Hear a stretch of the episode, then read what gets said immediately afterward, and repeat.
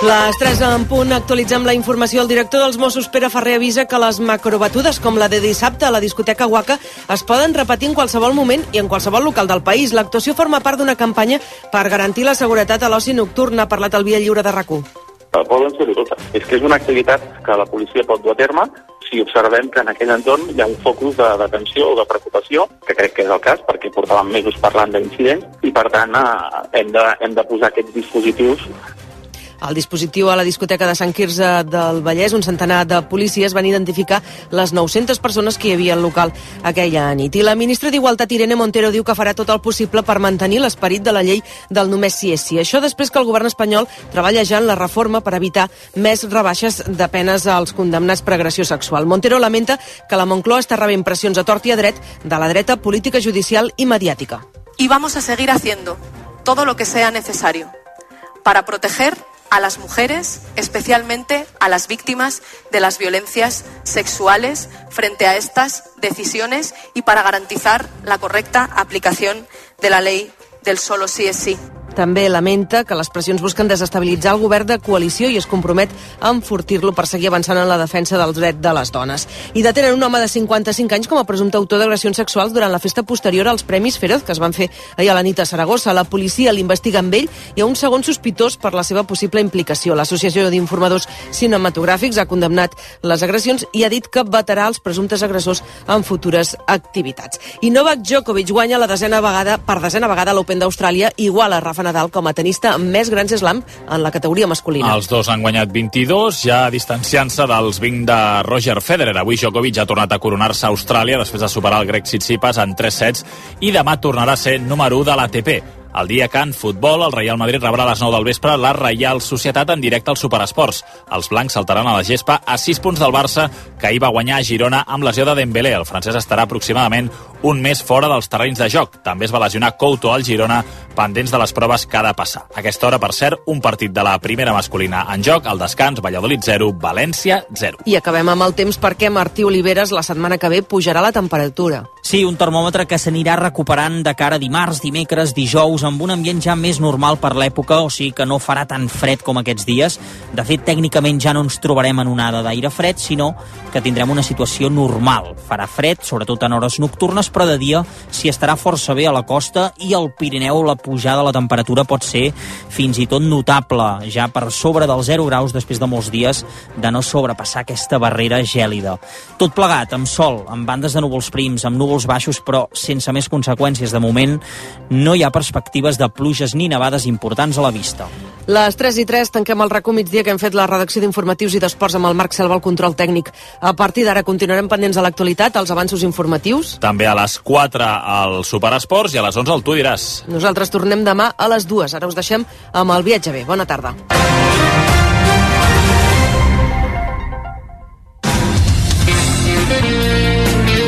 RAC 1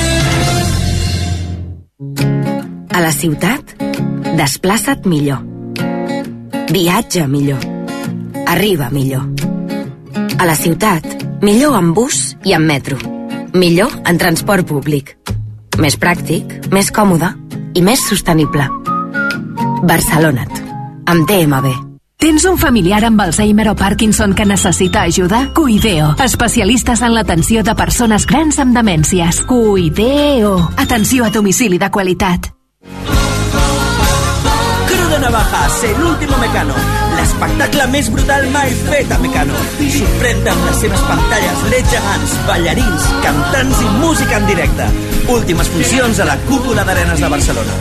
Compra ja les teves entrades a crudenavajasmusical.com.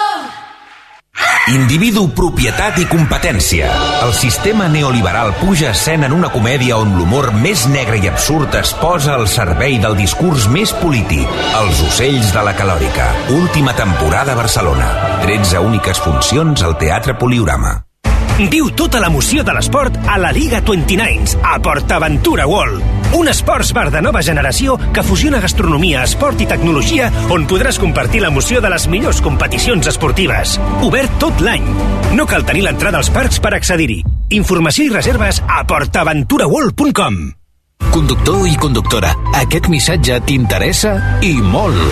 Aparca als pàrquings Saba i Saba Barcelona Bamsa amb un 50% de descompte durant 3 mesos activant Saba Ticketless a l'app o a saba.es. Sí, sí, a meitat de preu. I també més còmodament. Paga menys i oblida't dels tiquets i els caixers de sempre. Promoció vàlida fins al 28 de febrer. RAC més 1, podcast. RAC més 1 presenta... Senyores i senyors, benvinguts a l'escorxador de RAC més 1. Des de la sala Cotton Club de Casino Barcelona, amb tots vosaltres, Guillem Estadella. Una batalla dialèctica sense miraments entre la gent de RAC1. Tenen 3 minuts per dir-se totes les barbaritats que vulguin. Toni Clavés i Marcelí Virgili. Aleix Pariser i Marta Ramon. Martí Oliveres i Abel Caral. Vicenç Martí i Lavane. Albert Bermúdez i Armand Maravalle. Guillem Estadella i Albert Buscarons. I un jurat de luxe per decidir el guanyador. Et voto a tu, Pariser, per pena. L'Escorxador, el podcast de RAC més 1 des de la sala Cotton Club de Casino Barcelona. Disponible a l'app de RAC1, a rac1.cat i al canal de YouTube de RAC1. RAC1. Tots som Més 1. Teniu la maleta a punt, oi? Perquè ara mateix sortim de viatjar. A RAC1, Viatge bé, amb Esther Muñoz.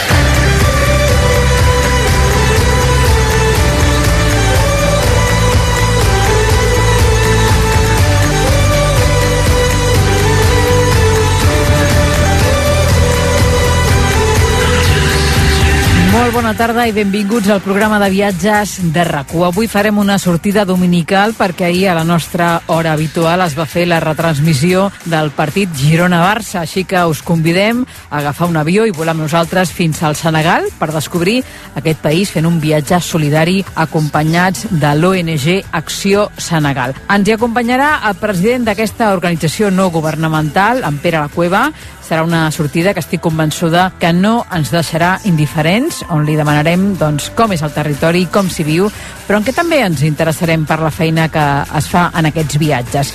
I avui, tot i ser diumenge, també anirem fins a la llibreria Altair de Barcelona, que tot i que avui està tancada al públic en general, a pujarà la persiana una miqueta perquè l'Helena Bernades, la seva directora adjunta, ens recomani algunes lectures viatgeres que ens portaran fins als Estats Units i Rússia.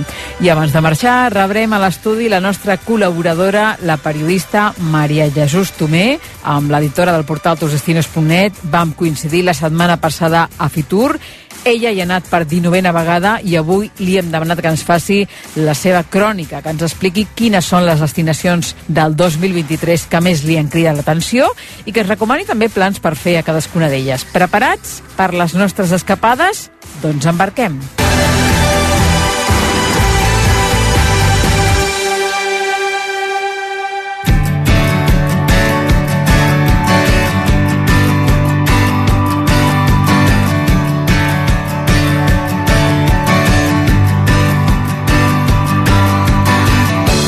Avui farem un viatge solidari. Acompanyarem l'ONG Acció Senegal en un dels dos viatges anuals que fa el país africà per desenvolupar projectes d'ajuda humanitària i d'infraestructures. En Pere La Cueva Raïch és el president d'Acció Senegal i ja el tenim amb nosaltres perquè ens parli de la seva feina i de la realitat d'una societat com és la senegalesa. Pere, bona tarda i benvingut al viatge B de rac Hola, bona tarda.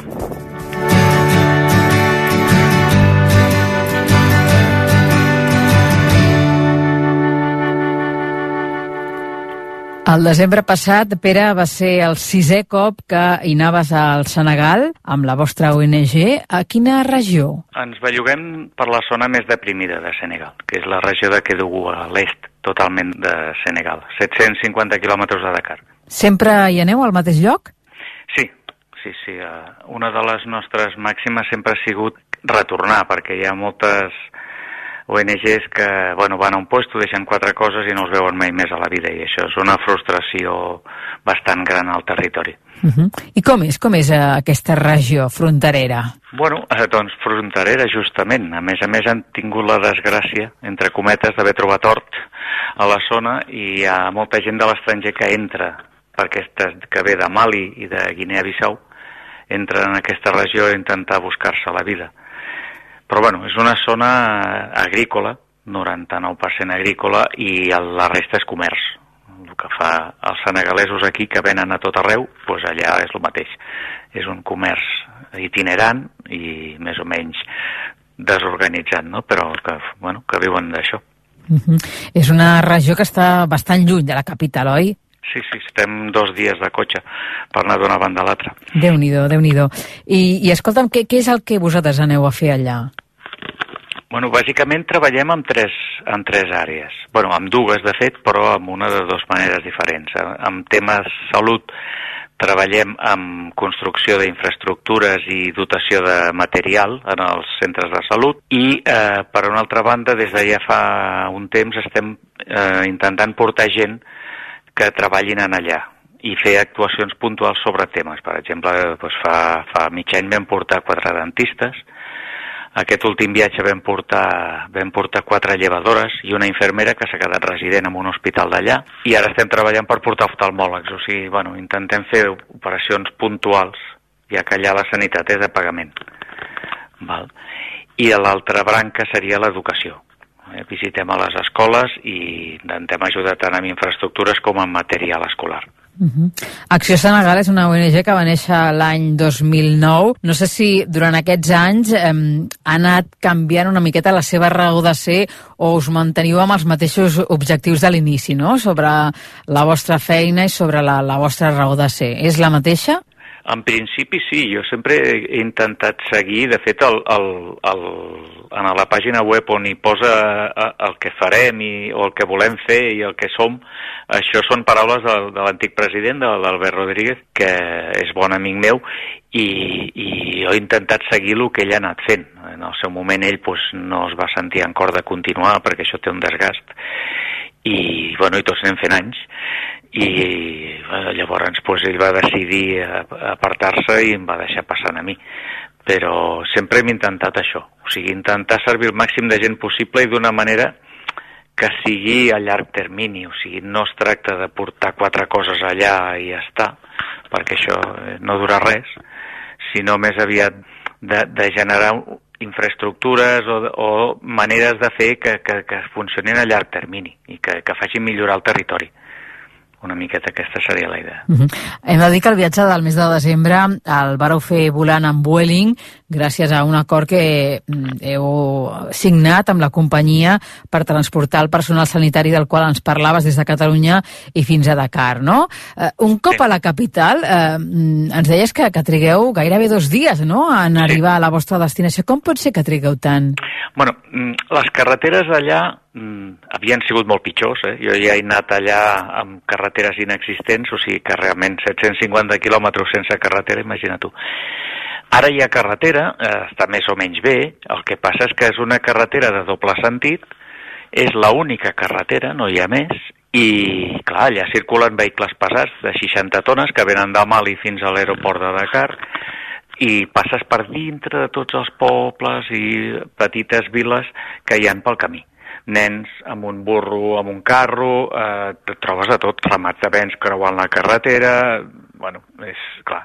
O sigui, la mitjana de, de velocitat igual és de 50 o 60 km per hora, amb sort.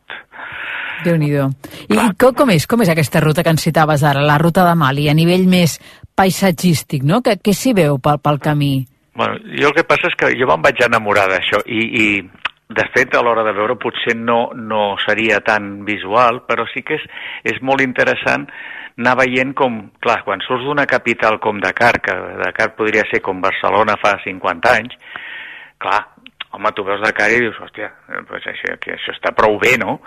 Però clar, l'acabes marxant, clar, els edificis van baixant d'alçada, van baixant fins que desapareixen, no? I, I la natura va guanyant perquè no oblidem que per arribar a la zona de Kedugum hem de creuar un parc natural que és immens i, i circulem per dintre d'aquest parc com 40 o 50 quilòmetres.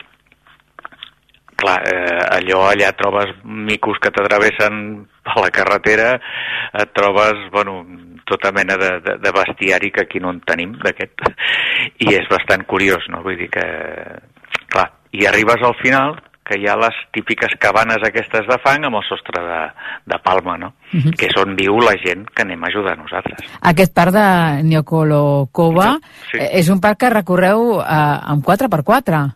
No, no, no, no, no. hi ha no? una carretera Senegal té, té, i la veritat és que no ho he investigat massa, però té molt bona relació amb Canadà. I Canadà els hi ha posat infraestructures molt potents a Senegal. I una d'elles és aquesta carretera, que va de Tambacunda fins a Kedougou. Són uns 300 quilòmetres i d'aquests 300 jo calculo que uns 60 serien dins el parc. I és una carretera que jo l'he passat inexistent, o sigui que estava destrossada totalment i, i passaves un dia per fer això i ara ho fem en 3 hores. O sigui que realment és, és espectacular el canvi que hi ha hagut. Mhm. I si algú vol, vol creuar aquest parc, eh, visitar-lo més a nivell turístic, ho pot fer?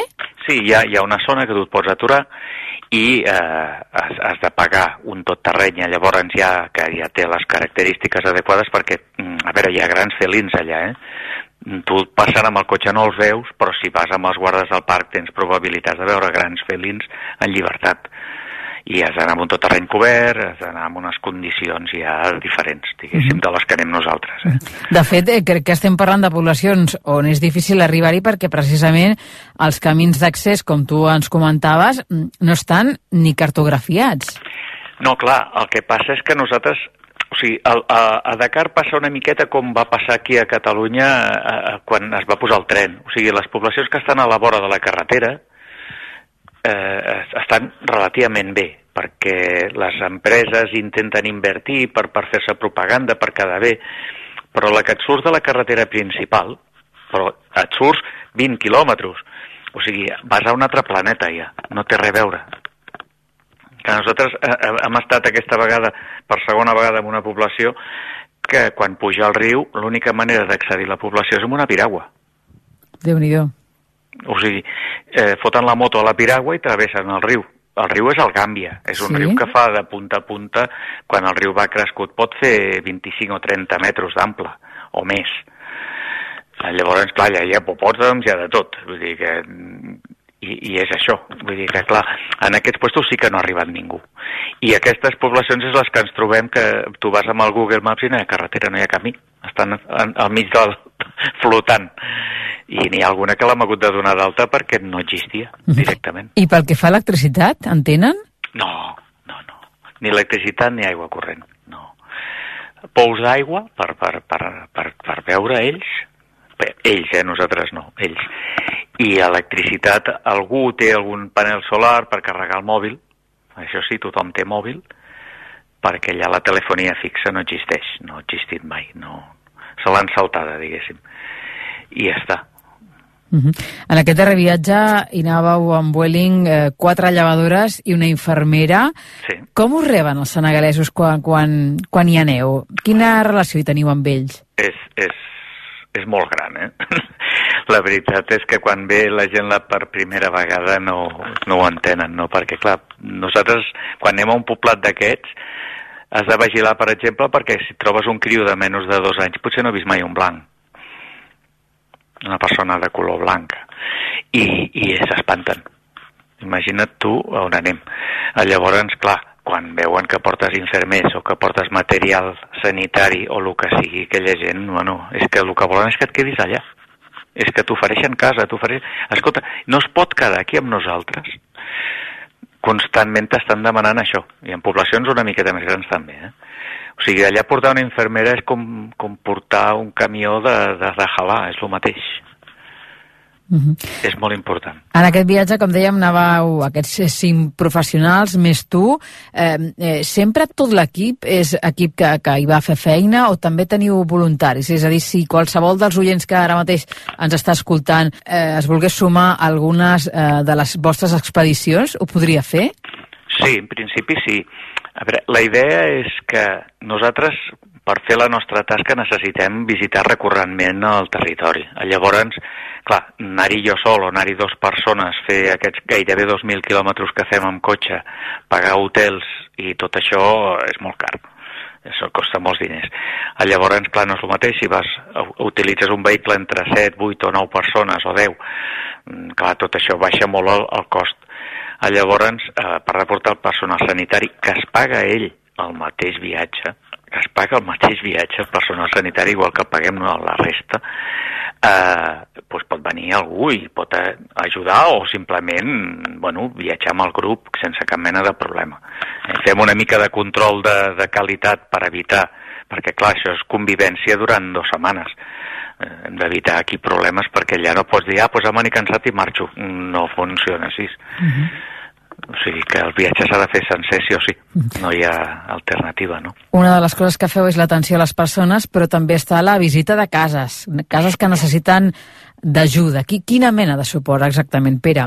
Mira, el, les visites bàsiques són als centres de salut i als col·legis, val? i llavors una cosa que ens deixem, que a mi per, personalment m'agrada molt, i a la gent que ve també, quan ho veu ho entén, és eh, portem un, una persona, un col·laborador amb nosaltres, que ja col·labora amb la ONG des, de, des del primer dia. Qui és? El Pap Tai, i aquest senyor és un gran coneixedor de, de tot Senegal, coneix tot, ell treballa en temes de turisme i tal, però quan venim nosaltres ho deixa tot, agafa el seu vehicle, que de fet li vam finançar nosaltres, nosaltres a nivell personal, no pas la ONG, eh? I, i, i ens porta i ens fa de papa i de mama, vull dir, ens porta tot arreu.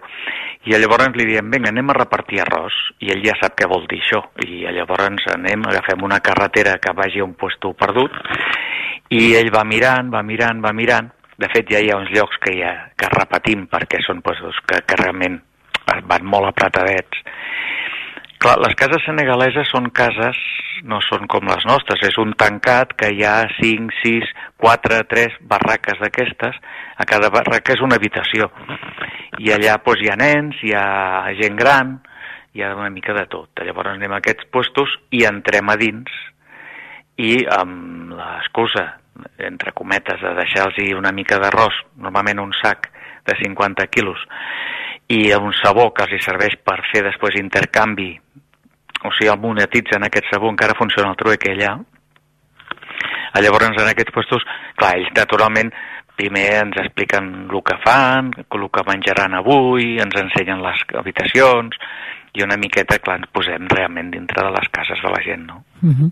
En Papa és la persona que mm, us organitza tot el viatge, podríem dir d'alguna manera, no? Si, si no hi hagués aquesta figura, tot això seria factible poder-ho fer vosaltres? Seria molt més difícil, perquè Senegal, com a bon país africà, que hi ha un índex de corrupció tremendo, no hi ha problemes de seguretat, però sí que hi ha problemes de corrupció.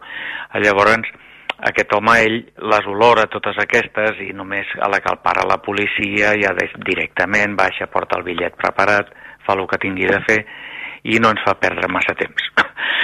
Si anés conduint jo segurament en tindríem dues hores allà al mig del sol fins que li deixés anar deu vegades el que els hi ha donat l'altre. Eh, bueno, seria molt més complicat. Ella s'encarrega dels hotels, s'encarrega de tot. Jo li passo només una relació amb els dies que estarem i a on volem dormir i ell ja sap el que ha de fer i a partir d'aquí ja s'organitza tot. Ell s'hi dedicava al sector de, del tema del turisme, dels viatges? Sí, de fet està en una agència ella i a més a més el seu vehicle ell té, eh, té eh, llicència de taxi que també el vam ajudar nosaltres a aconseguir-la. O sigui que ella eh, pot transportar gent a qualsevol lloc de Senegal i pot muntar una ruta, perquè és un, una persona que coneix moltíssim tot això. De fet, alguna vegada hem aprofitat que hem anat amb gent més coneguda, que ens, normalment no ens coneixem amb la gent que hi anem, amb gent que ja coneixem i fem dos dies de turisme i ens ha portat pues, a, la, a la Sant Lluís o al desert o algun lloc així. Per tant, eh, fa tours del, pel país i si nosaltres el necessitéssim i podríem contactar-hi, no? Oh, i tant, oh, i tant. És, de fet, eh, només cal que ens enviïn un missatge a través de la web i, i us posem en contacte amb ell, cap problema. Parla, parla castellà? Parla castellà, no molt fluid, però, però s'entén bastant bé i, i el que parla és la llengua d'allà més important, que és el Wolof, i una miqueta de peul i mandinga, o sigui que és un home que es mou... Allà. Es, es parlen 14 llengües a Senegal, eh? déu nhi I només en francès no vas gaire lluny, perquè la que et surts dels centres de cultura, clar, en les, si tu vas a una casa d'aquestes que diem de l'arròs, no, no t'entenen en francès, et, et queden mirant i riuen, però no tenen ni idea de què cony dius. I clar, sense ell això és impossible. Uh -huh. Pere, és evident que, com ens explicaves, no, aquests eh, són eh, viatges eh, purament de feina, ben poca cosa podeu fer a nivell turístic, eh, però si el que les persones que ens estan escoltant es plantegen fer més una escapada on recórrer el país i conèixer-el de, de primera mà, Um, què és el que haurien de veure? Per exemple, la capital, Sant Lluís? Mira, la capital és la capital colonial francesa, Sant Lluís. Uh, és maca perquè les ciutats colonials són maques. Eh, són ciutats que es van fer fa 200 anys i el tipus d'edificis eh, bueno, són, són bonics. A més, estan restaurant bastant. Sant Lluís té un port molt bonic. No té res a veure amb els nostres ports, eh? Però són aquests llauts, però que són molt grans. Són llaus que estan dos i tres setmanes al mig de l'Atlàntic pescant i, i realment és bonic. Després hi ha el desert. El desert, qui no l'ha vist, és maco i hi ha l'opció, per exemple, d'anar a dormir amb una jaima o coses d'aquest estil. Tot això el nostre amic ens ho ha organitzat a nosaltres, vull dir que és una cosa que, que la pot fer. El desert està al nord? Al nord, sí, perquè clar, aquí estem per sota d'Equador. Vale? Cap al sud anem al fresc i cap al nord anem al calent, per entendre'ns. Ah, llavors... I de Dakar? De Dakar què ens pots explicar? Dakar, a mi, sincerament, és una ciutat, és això, Barcelona anys 70, és una ciutat, bueno, que ha anat creixent, hi ha uns col·lapses de tràfic tremendos, i sí que et crida l'atenció si no has vist mai una ciutat africana, però és molt gran, té 4 milions d'habitants, Dakar. I, I la veritat és que és complicat de moure's. A mi no em crida massa l'atenció, el que sí és molt maco i molt recomanable és davant de Dakar, a 20 minuts amb un ferri, hi ha una isla, que és la isla dels esclaus, la isla de Goré, i allà veus per on van sortir 20 milions d'esclaus. O sigui que allò és realment... És, és potent, eh? És... Com és? Com és? És una illa relativament petitona, està totalment urbanitzada amb, amb cases colonials, està restringida l'accés a viure, o sigui, no hi pot anar a viure qui vulgui, amb la qual no s'ha desmadrat d'una manera salvatge, i eh, veus, la, eh, hi ha una casa que la va comprar el govern senegalès, que és la casa dels esclaus. Com aquesta n'hi havien arribat a haver més de 20 en aquella illa. I allà el que feien és alimentar els esclaus perquè agafessin el pes mínim per fer la travessa cap a Amèrica. Si no pesaven, no tenien aquest pes, no podien embarcar perquè morien segur pel camí. Uh -huh. De fet, en el darrer viatge que, que vas fer, eh, hi va haver-hi un, un company que va quedar molt impactat amb, amb aquesta idea dels esclaus. Sí, i, i és, em va sorprendre molt perquè jo no hi he estat a l'Alemanya nazi. Aquest noi viu a, viu a Berlín, és català però viu a Berlín, i quan va veure la casa dels esclaus va dir que li va impressionar bastant més que Mauthausen, eh? Diu, diu, diu, escolta, diu això, que t'arranquin de la teva terra i et fotin en un barco separat dels teus fills i de la teva dona i que t'alimentin com un porc perquè pesis és, és molt potent. Duríssim. Escolta'm, eh, tota l'illa dius que és com un mercat senegalès. Bueno, sí, perquè ells és això, a qualsevol racó foten una manta a terra, quatre trastos i a vendre. És el que fan. Davant de casa seva, si hi ha una carretera davant, veus allà pues, veus una pila de cocos, o veus una pila de llenya, o veus una pila de carbó vegetal. El que tinguin que ho puguin vendre, ho venen. I dius, però si aquí no hi ha ningú. Tu pares i al cap de 10 segons apareixen tres persones, és acollonant. És una cosa que, que ho tenen controladíssim. I la isla aquesta, clar, doncs, es venen moltes teles, hi ha, hi ha gent que és l'únic jo de tot, de tot mm, Senegal que he vist, és gent que pinta quadros, gent que fa coses d'artesania, que no són de Taiwan, diguéssim, eh? coses de, fetes d'allà. Ja sé que això és un mite, que tothom ho diu. No, això és fet d'aquí, després ho mires i tu trobes a París i tu trobes a Buenos Aires. No, allà són... perquè estan sensats, la gent que viu allà i no pot anar qui vol a fer això. Tornant a la zona de capital, ens parlaves d'un eix que el composen d'una banda de Car, però també hi ha en Sali... Embur, sí. Sali és la ciutat eh, superpija de, de, de la zona que és tots aquests jugadors que jugaven a Senegal, amb Senegal a futbol, pues tenen una casa a Sali, perquè feu una idea de què va.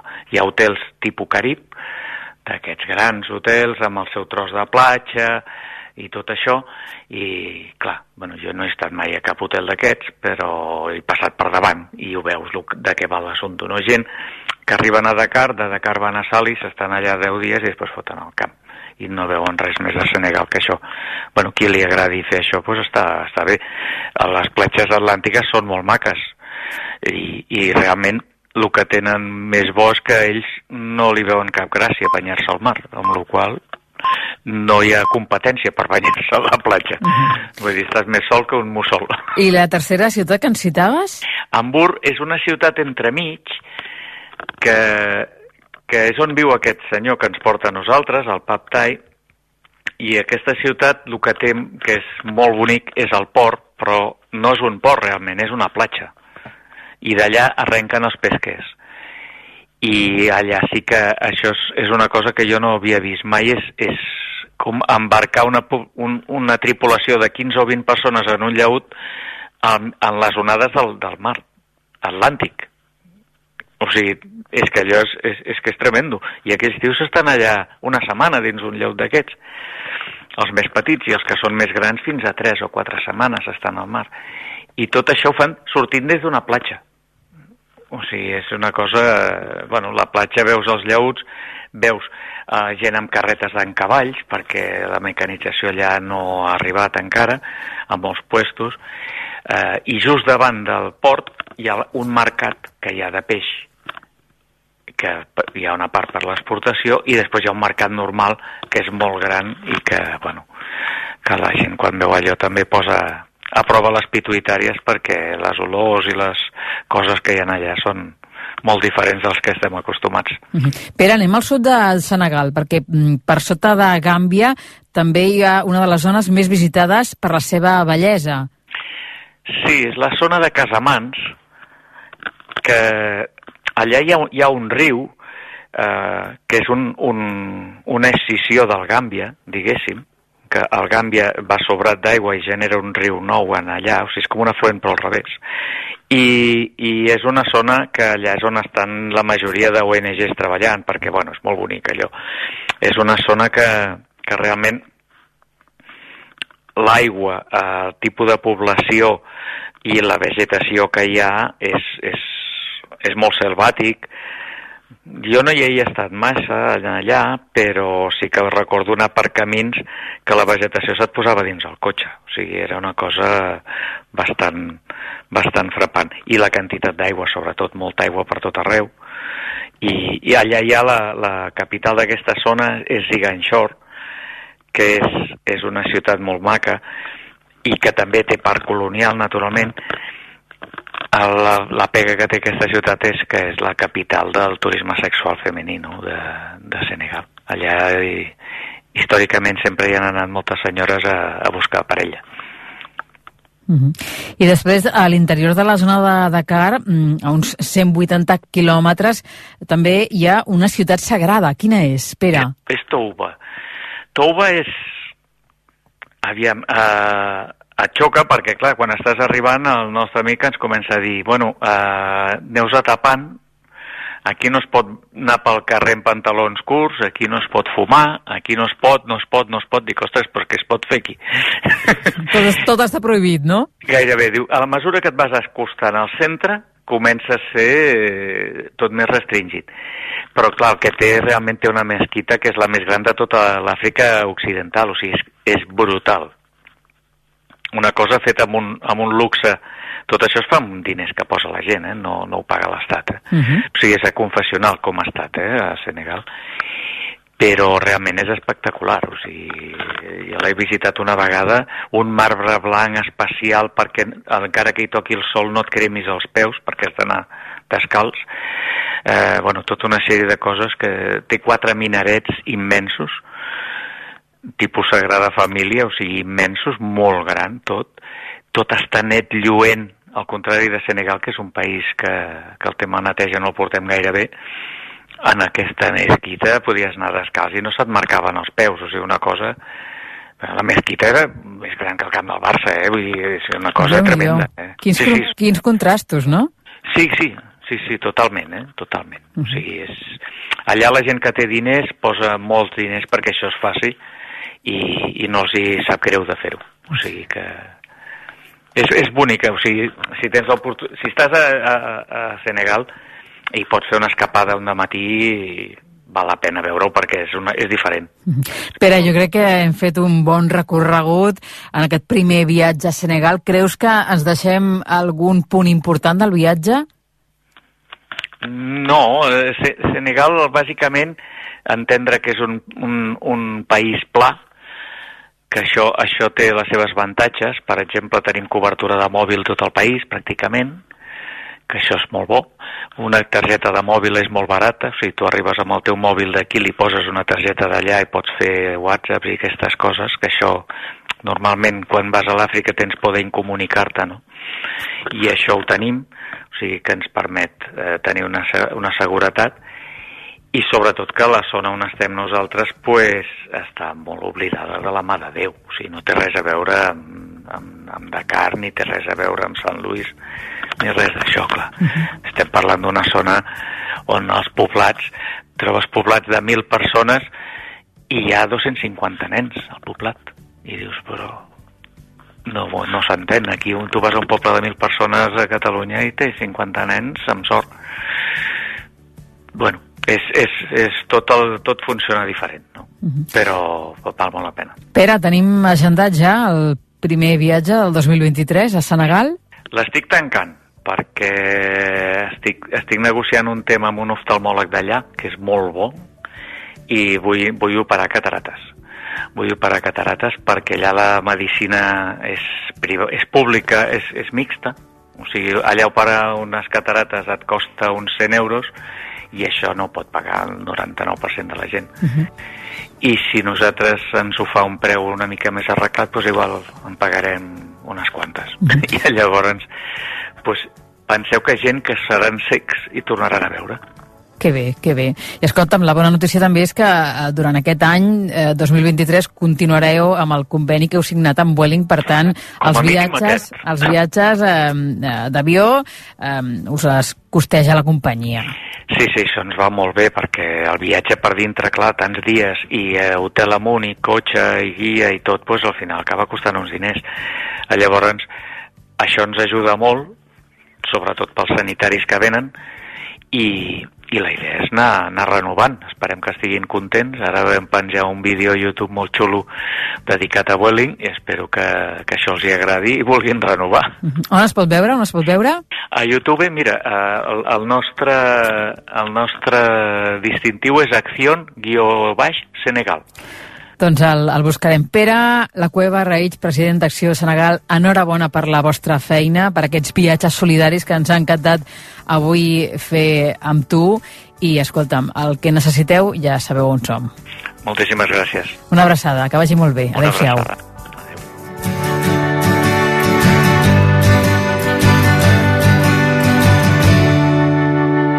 A rac Viatge bé, amb Esther Muñoz.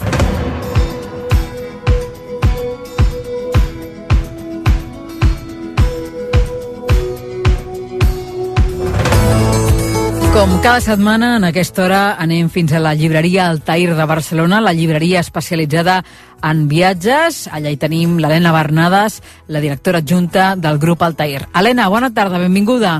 Molt bona tarda. Ah, jo avui, Helena, he vist la teva proposta, he vist que sobre la taula hi ha dos grans autors, a més a més coneguts per la nostra audiència, perquè són dos periodistes molt professionals de Televisió de Catalunya, i he pensat que, eh, que poden ser dues opcions, sobretot per gent interessada en el món de la política. Jo crec que sí, i de fet nosaltres els recomanem, els potenciem, i nosaltres també esperem que hi hagi aquesta recepció que nosaltres de moment li estem donant a la llibreria, perquè per començar tenim en Xesco Reverter, que acaba de publicar el llibre d'Estats Units el País de les Contradiccions, demà de l'editorial Ara. Ell que fins fa ben poc ha estat corresponsal als Estats Units, fins al passat juny, sí, recordo, sí, sí. ha tingut una privilegiada experiència al país americà i ha conclòs aquest recorregut periodístic amb una crònica on ens narra els fets polítics i socials més rellevants que ell ha viscut de primera mà durant la seva estada.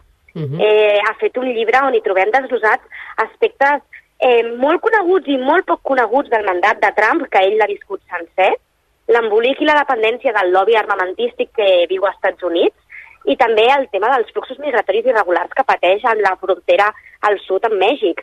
És un llibre que està a l'ordre del dia i que de forma amena i rigorosa capta les contradiccions d'un país del primer món a través de persones que ell ha conegut, de la seva pròpia experiència i dels de moments icònics que ha viscut gràcies a ser corresponsal als Estats Units per TV3. Sí, sí, jo realment coincideixo amb tu. Helena, jo vaig tenir l'oportunitat, a més a més, fa molts, molts anys, de treballar amb el Xesco Reverter com a periodista en un diari de tirada nacional és un molt bon professional. La veritat és que la seva mirada és per tenir-la en compte i, a més a més, he de dir que fa uns dies va estar aquí a rac concretament al programa Versió rac Li van fer un, als nostres companys una gran entrevista. Per tant, si algú eh, vol més informació, vol el testimoni radiofònic de Xesco Reverter, que recuperi aquesta entrevista i segur que s'animaran a comprar el llibre. És un llibre que jo crec que el títol ho diu tot, que la seva experiència més que dilatada ja és un encert assegurat i sempre hi ha incògnites i sempre hi ha racons per seguir descobrint totes aquelles petites introspeccions del territori americà. És garantia, eh? sobretot les persones eh, que seguien les cròniques del Xesco Reverter a TV3, si eren seguidors, doncs eh, aquest llibre val molt i molt la pena. I un altre periodista de TV3 que té llibre, un llibre que va sortir ja fa uns quants mesos, és Manel Elias. Correcte, sí. L'any passat ja ens va fascinar amb el llibre de Rússia, l'escenari més gran del món, on feia un resum acurat de la complexitat del país soviètic, i ara, de la mà de la mateixa editorial, ens publica un nou llibre titulat La última victòria de la URSS, on desgrana les claus del poder estatal en l'esport mundial, a partir de testimonis de medallistes que des de ben petits han estat entrenats per tocar l'excel·lència, descriu com s'han convertit en part d'un engranatge immens de poder i de clarobscurs. I mm, centrant-se sobretot en el que van ser les Olimpiades del 92 aquí a Barcelona, quan era l'any que es va desmembrar l'antiga URSS i que tots els, els esportistes que s'havien entrenat per anar sota la bandera soviètica, que van haver-hi d'anar sota la bandera olímpica perquè s'havia desmembrat el seu país, molts d'aquests testimonis que al tornar a casa es van trobar en fronteres canviades, en països canviats, en polítiques canviades, una mica ha fet la trajectòria de seguir-los i d'entrevistar-los des d'un punt de vista molt social, des d'un punt de vista molt humà, i jo crec que en podem treure moltíssimes conclusions. És un llibre que pot donar moltes lectures diverses i com l'anterior. És un llibre molt rigorós, és un llibre amb una claredat social espectacular i que és molt interessant perquè, a més, tocant el tema de Rússia, que a més ell li fa un petit epíleg al final amb l'actualitat Rússia-Ucraïna, és un llibre molt enriquidor que a molts de nosaltres ens pot agradar i interessar moltíssim. Mm -hmm. Avui dos llibres de l'editorial Ara d'Editorial, dos llibres en català de dos periodistes de casa nostra, eh, coneguts per, per tots nosaltres, dos llibres de, de política, d'actualitat, Estats Units, el País de les Contradiccions, de Xesco Reverter, i l'última victòria de l'URSS, de Manel Elias. T'esperem d'aquí uns dies. Fins molt aviat, Helena. Gràcies. Moltíssimes gràcies a tots. Adéu.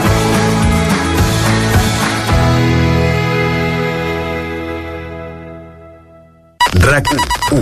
I avui volem parlar de com sentir-nos bé, de fer exercici, que és una de les principals fonts per sentir-nos realment. Si aquest any has decidit prioritzar-te, Cuidar-te. Equilibrar-te. posar-te en forma, Nodrir-te. Estimar-te. aquest és el teu programa.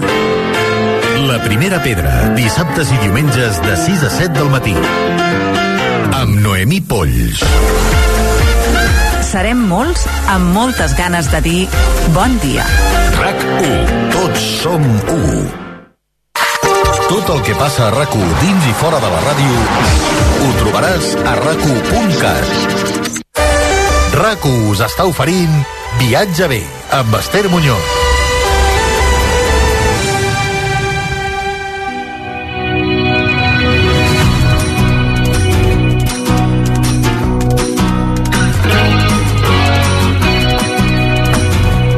Fa exactament una setmana que tancava portes la 43a edició de Fitura a Madrid. Han assistit 222.000 visitants i que, com vam comprovar els del viatge bé en directe a IFEMA, ha superat totes les expectatives, posant de relleu doncs, això, les bones perspectives per l'activitat turística mundial. Qui també hi va ser a la Fira Internacional de Turisme és la nostra col·laboradora Maria Jesús Tomé, a qui avui hem volgut convidar al programa per repassar amb ella doncs, les novetats i les destinacions més més destacades d'aquest Fitur 2023. Xus, bona tarda, benvinguda al Viatge Bé.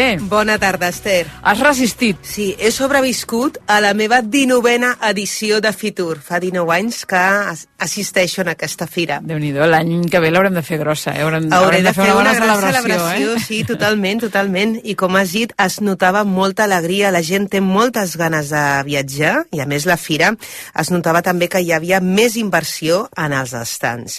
Jo diria que no només hi havia una fira com l'època prepandèmica, sinó que hi havia una fira gairebé precrisi 2008.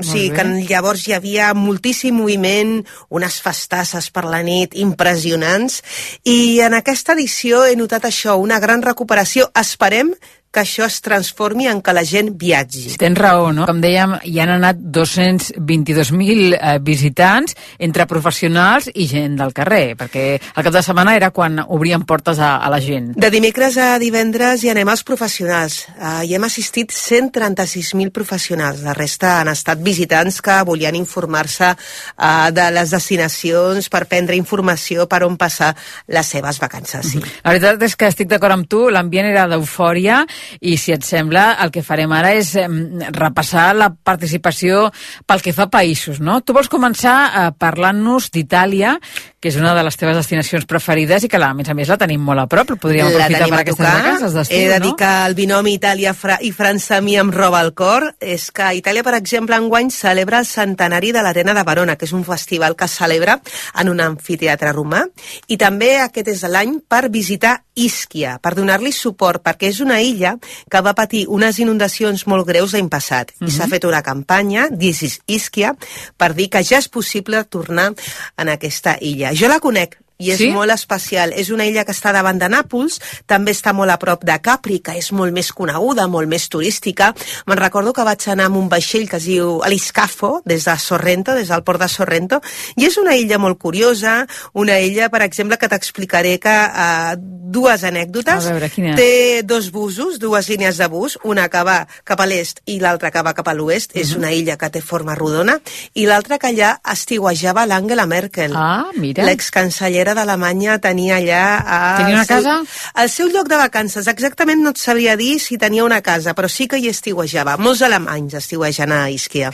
Per tant, eh, aquestes són dues de les novetats del, del país italià eh, que vol doncs, això recuperar el turisme, sobretot en aquesta illa que tu ens comentaves. No? Seguim, seguim a, a, a Flandes, perquè aquesta sí que és una destinació molt familiar de la que tu en alguna ocasió ja ens has parlat. Sí, a veure, els oients saben que jo sempre viatjo en família i una destinació que a mi m'agrada molt per anar amb, els nen, amb el nen, en aquest cas, per anar amb la canalla, és Flandes.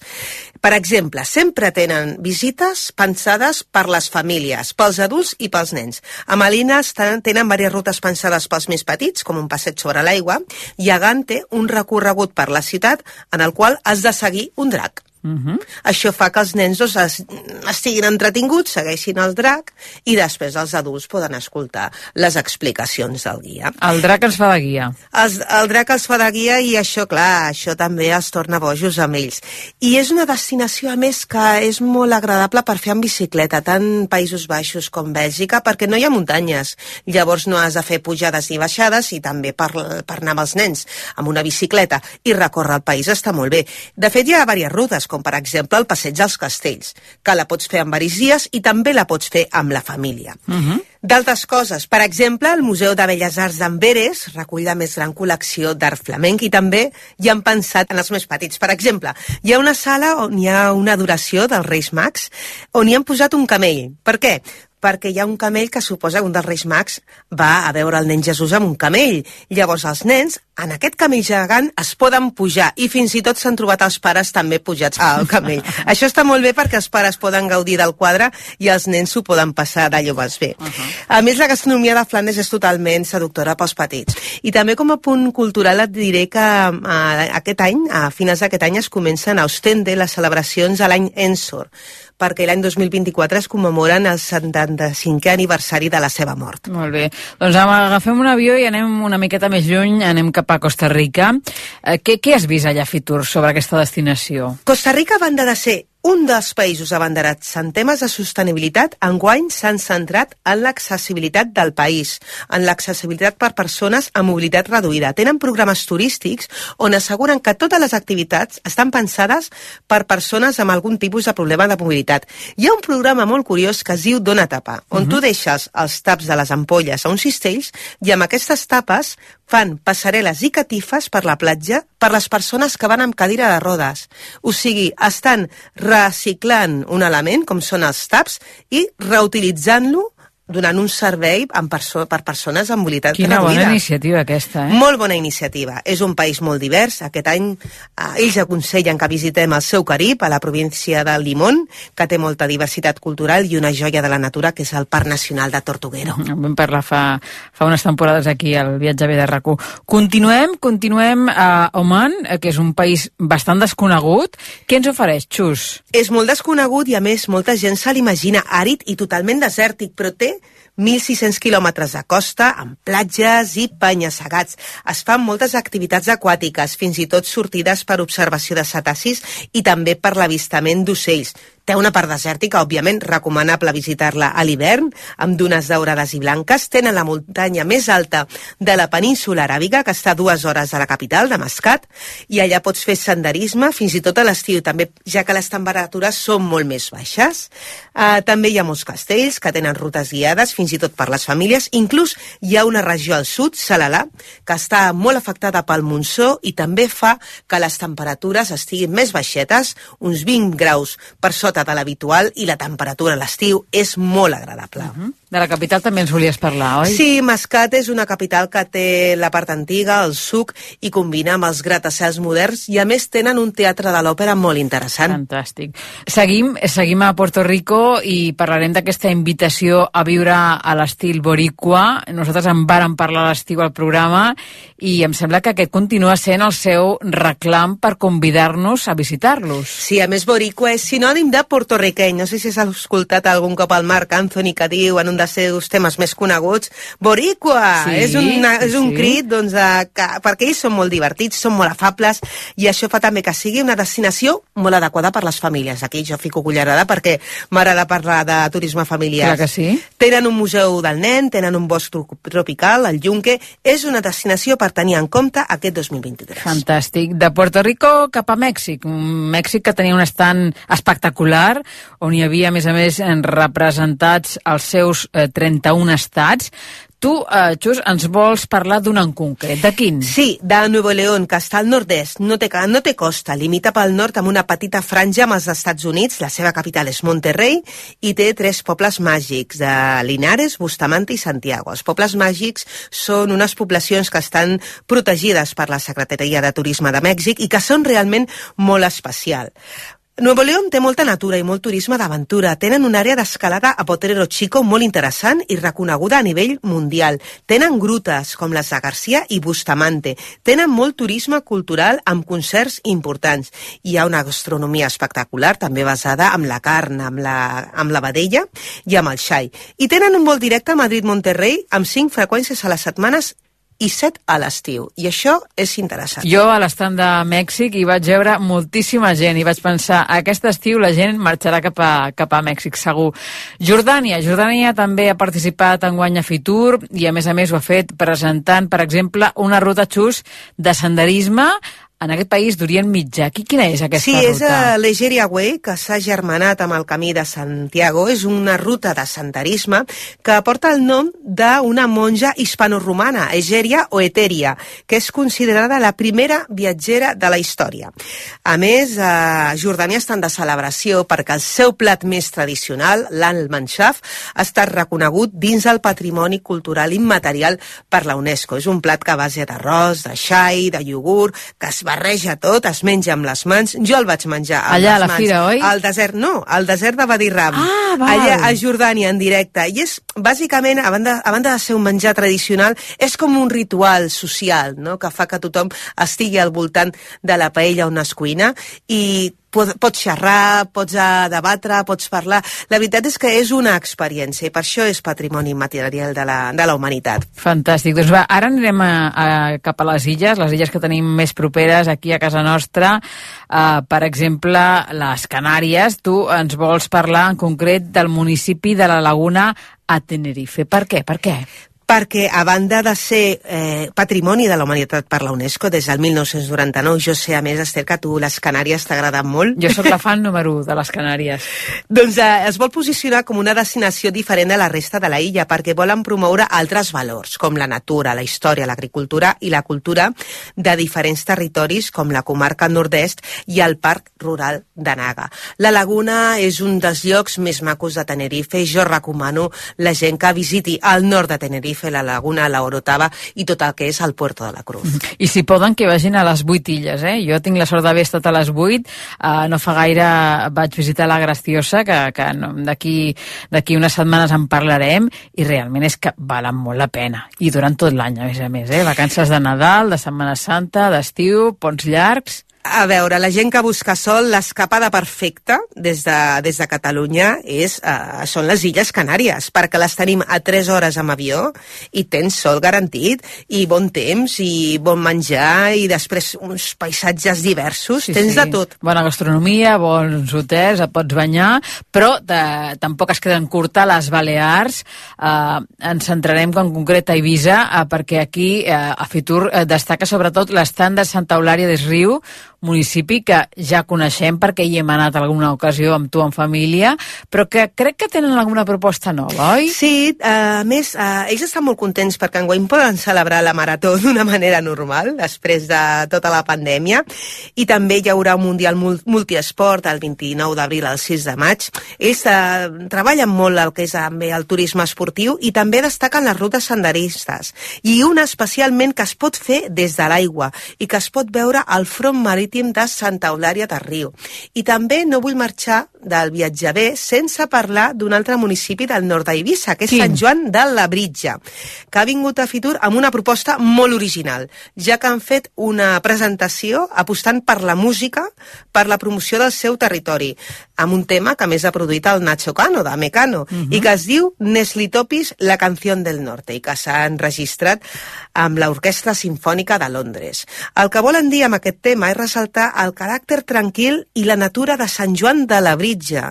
Tant Santa Eulària de Rio com Sant Joan de la Britja són la cara amable d'Eivissa, la cara més tranquil·la, més familiar. Més verda, potser. Més verda i sense la disbauxa de el, el que és a Eivissa capital, on hi ha les discoteques, on hi ha també doncs, la gent més jove. Doncs en aquesta part d'Eivissa jo la recomano perquè és... I sobretot, no cal anar a l'estiu. Es pot desestacionalitzar. És a dir, pots anar en qualsevol moment de l'any perquè allà trobaràs tranquil·litat i trobaràs bona hoteleria, bones rutes senderistes, una natura impressionant i l'essència d'Eivissa. I a més a més que les tenim a tocar, no? Les Balears i en concret Eivissa, no? Tant en ferri com en avió. És que és un moment, és una passejada. Les connexions són bàrbares. Pots anar amb avió, pots anar amb vaixell, o sigui que les Balears ho tenim molt fàcil per nosaltres. I també dic sempre, les podem conèixer, en no cal anar a l'estiu. Podem anar en qualsevol època de l'any. Sí, sí, és que és la pitjor època. L'estiu és la pitjor De fet, època perquè estan molt massificades. Jo no ho recomano, jo no ho recomano, perquè és que, a banda de que tot està caríssim, és que tot està massificat, i, per exemple, la segona, la segona quinzena de setembre, a banda de baixar els preus, doncs és que tens també un molt bon clima, no tanta calor, i una tranquil·litat que, vamos, que Sí, et sí. mereixes unes vacances amb tranquil·litat. És un moment interessant. Doncs escolta'm, eh, Xus, t'agraïm moltíssim aquest resum que ens has fet sobre la teva experiència a Fitur, a la 43a edició de la Fira Internacional del Turisme, la teva 19a, i escolta'm, ja només ens queda emplaçar-te a la vintena, que l'any que ve l'haurem de fer grossa, eh? Home, i tant. L'any que ve ja haureu de fer una festa grossa a Fitur perquè és el meu 20è Fitur i serà, vamos, serà una, una fita memorable, sí. I celebrem no, que aquesta edició hagi estat l'edició de l'optimisme, de l'eufòria, de l'alegria i esperem que tu, com tu comentaves a l'inici, doncs realment això mm, ara es vegi, Que es tradueixi, es tradueixi en els nostres viatges. Que es materialitzi, que la gent viatgi... Que vagi, surtin, que surtin. Que surtin de casa seva i que vagin a buscar...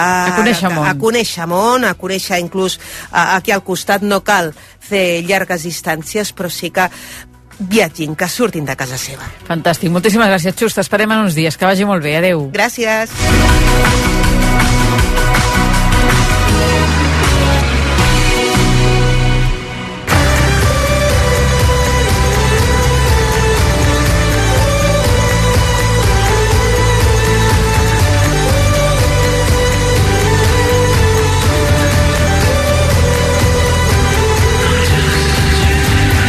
Fins aquí la nostra escapada de diumenge d'avui que ens ha portat fins a Senegal, Rússia, Estats Units, Mèxic, Oman, Itàlia, Flandes, les Illes Canàries i també les Balears. Salutacions meves i del Daniel Puntí Prats a la realització tècnica que acabeu de passar un molt bon cap de setmana i us hi esperem el proper diumenge també, el primer del mes del febrer, el dia 5 de febrer, a les 3 i 3 de la tarda. Que vagi molt bé. Adéu-siau. Senyores i senyors, en nom d'Ester Muñoz, gràcies per viatjar en Viatge B a rac i fins dissabte que ve.